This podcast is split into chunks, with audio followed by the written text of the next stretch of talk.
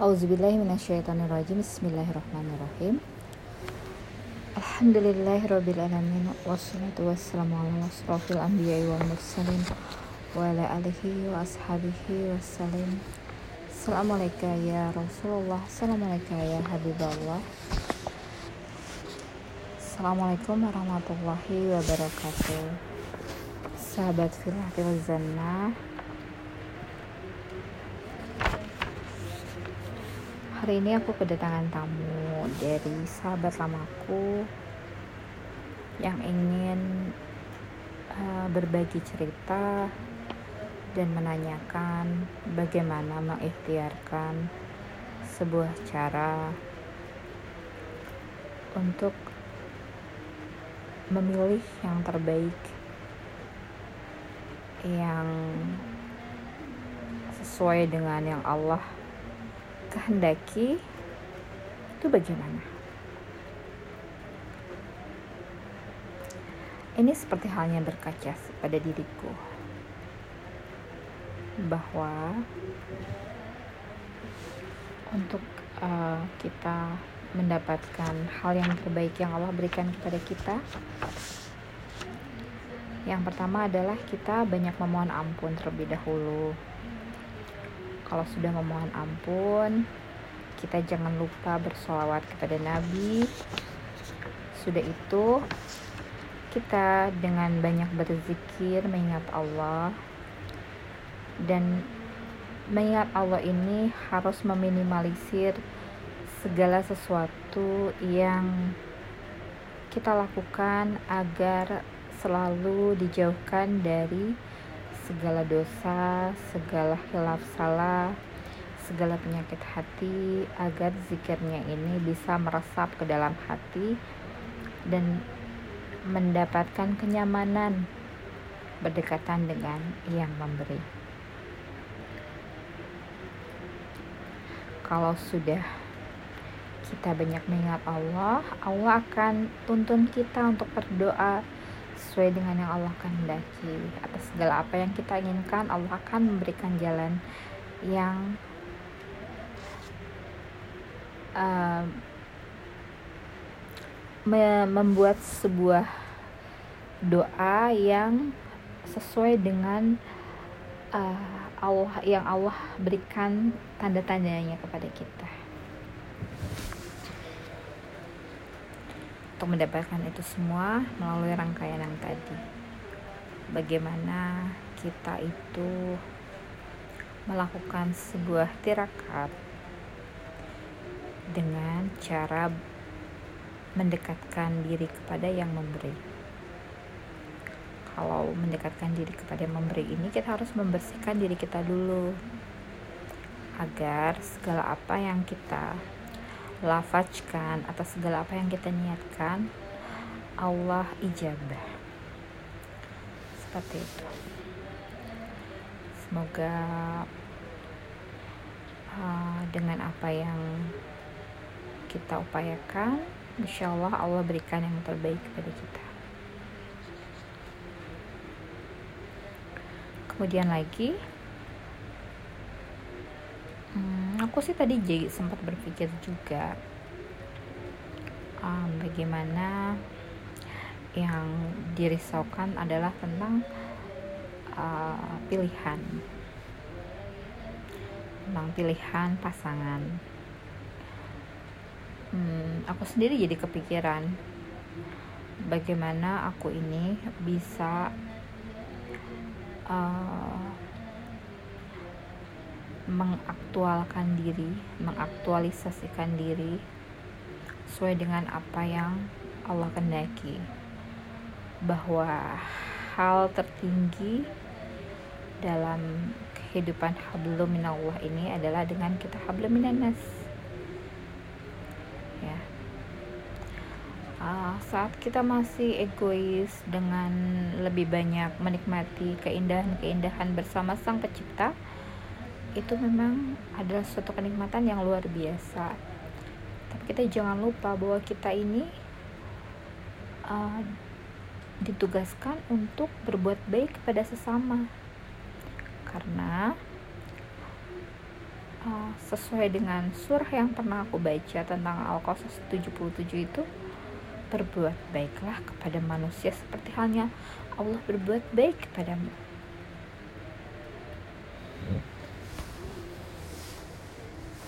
jadi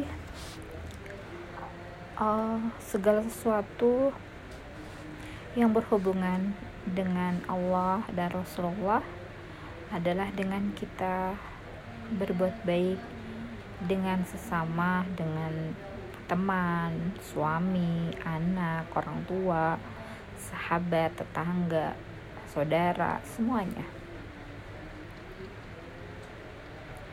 Jadi ya adalah cobaan baru lagi ya.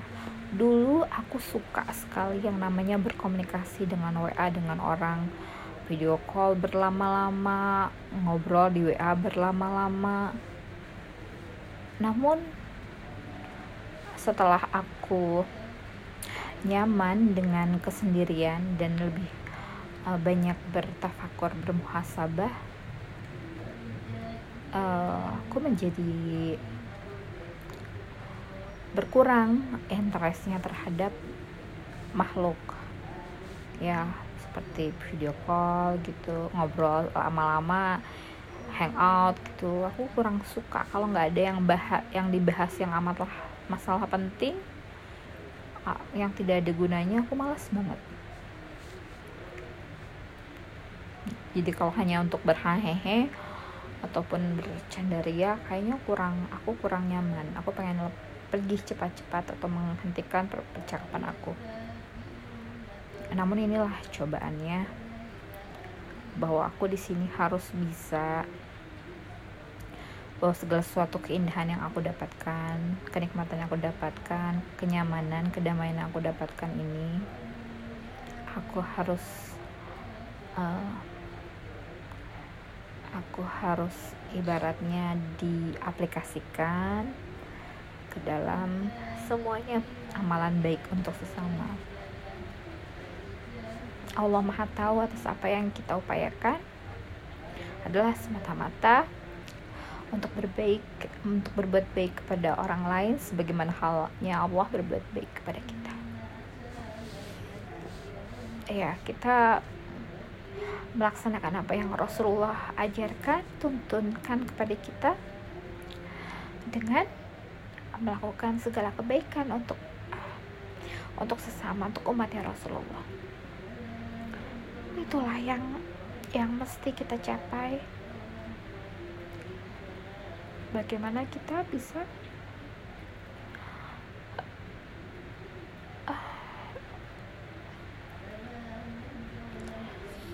sungguhlah memang nikmat. Berzikir itu nikmat berkoneksi dengan Allah itu nikmat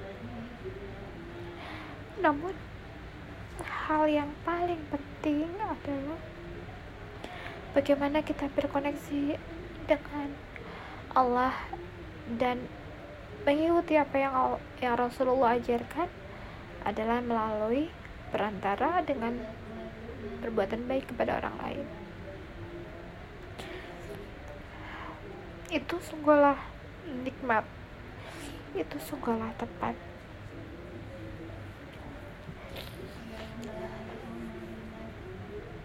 ya aku sedih karena aku merasakan sebuah kenikmatan yang luar biasa. Namun aku gak boleh egois. Aku harus menyamankan diri. Bahwa berbuat baik kepada sesama itu adalah tanda cinta kita kepada Allah dan Rasulnya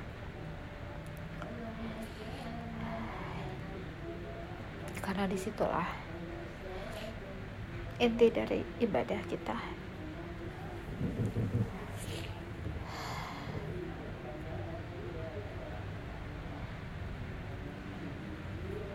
ah.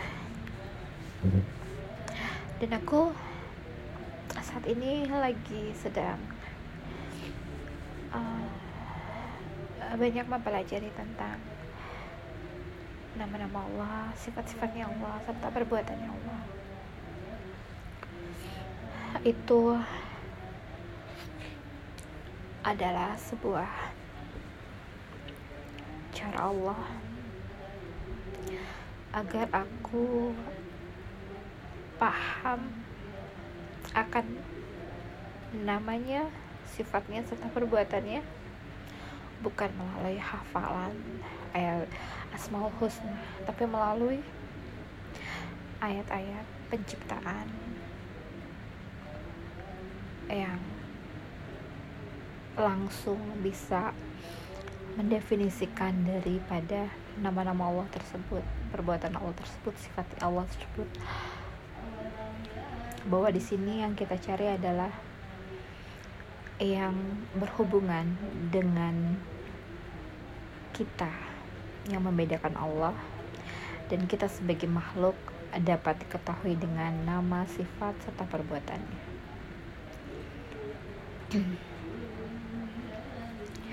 seperti contohnya adalah Allah kita ada awalannya dan ada akhirannya setelah kita tiada Allah lah yang mengatur segala apa yang disebut dengan masa akhir di mana hari kiamat tiba. Bagaimana saat mulai dari kita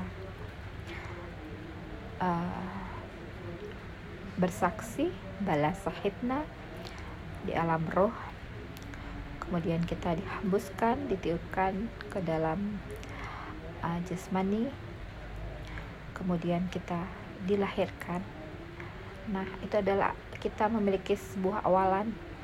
Dan Allah tidak berawal dan tidak berakhir. Bagaimana menjelaskan yang zahir maupun yang batin. Bagaimana yang nampak dan yang tersembunyi. Itu semua adalah berhubungan kita sebagai makhluk yang Allah ciptakan dengan Sang Pencipta. Jadi kita membatasi hal-hal yang melingkupi yang kita butuhkan yang bermanfaat untuk kita sebagai pembeda, sebagai pengenalan lebih dalam lagi kepada Allah.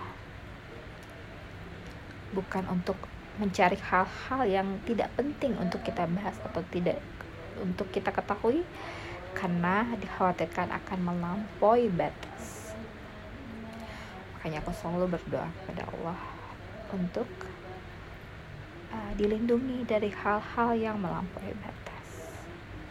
Ya, dalam hadis Rasulullah dikatakan bahwa bertanyalah sesuai dengan hal yang mendatangkan manfaat untuk kita. Ya itu saja mungkin ya. Uh, yang bisa aku bagi malam ini semoga bermanfaat. Um, ya. Uh, dari ayat-ayat penciptaan bumi dan langit ini ya yang uh, itu kalau kita bisa benar-benar pahami dari satu ayat per ayat. Yang satu ayat ini uh, mengisahkan tentang kelengkapan ya di al hadid ayat keempat uh, di mana Allah menciptakan bumi dan langit dalam enam masa um, Allah menciptakannya seperti halnya secepat kilat di luar batas kemampuan manusia untuk memikirkannya.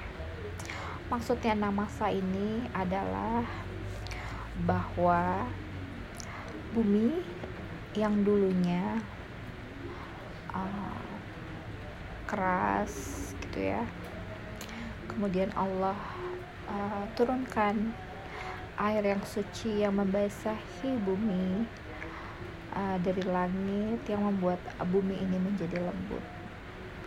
Allah tinggikan langit ya. Itu juga merupakan yang Allah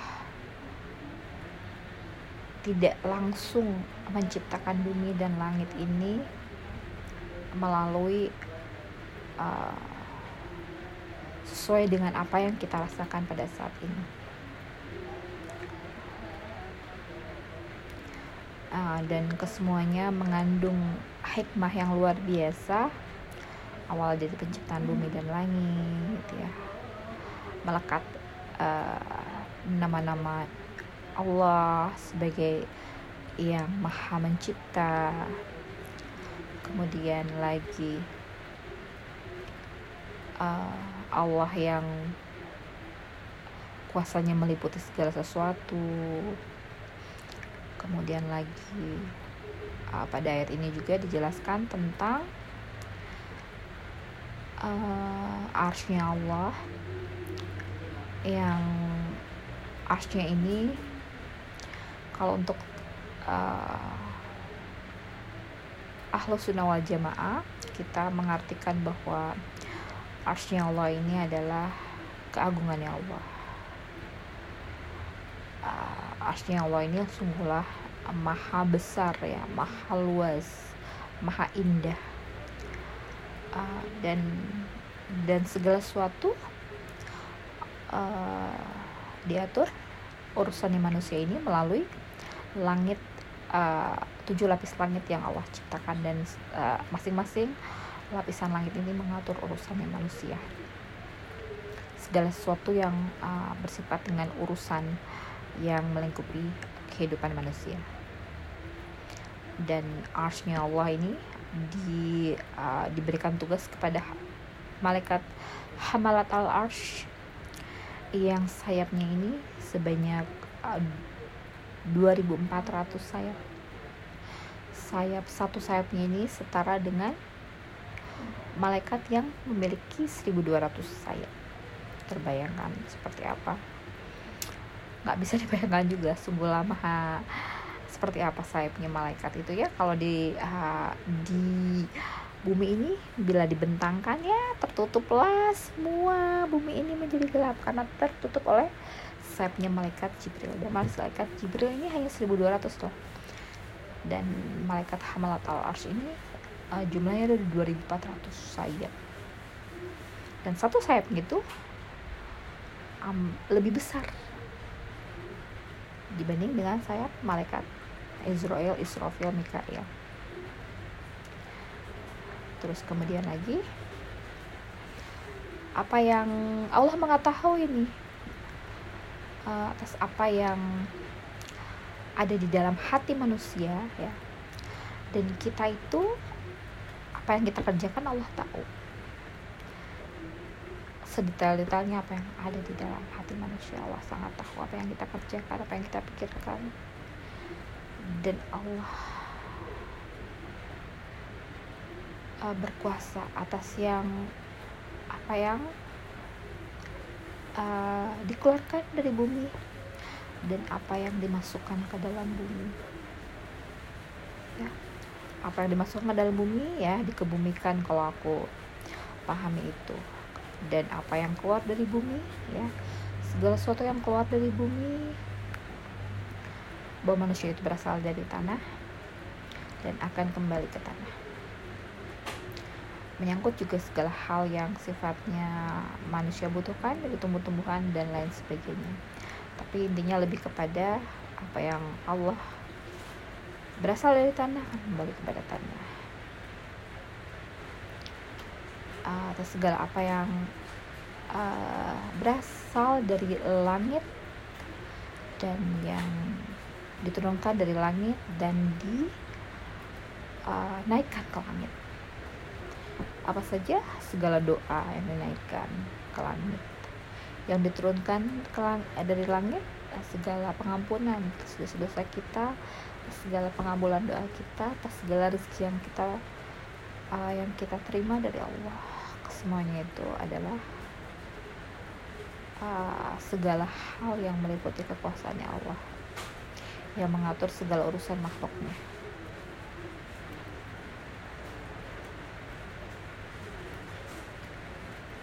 Sholli ala Muhammad wa Muhammad. Uh, jadi Allah mengatur segala sesuatu urusan hambanya melalui arsnya Allah dan Allah mengetahui segala apa yang dilakukan oleh manusia. Allah menciptakan bumi dan langit dalam enam masa. Sampai uh, seperti halnya yang kita nikmati saat ini.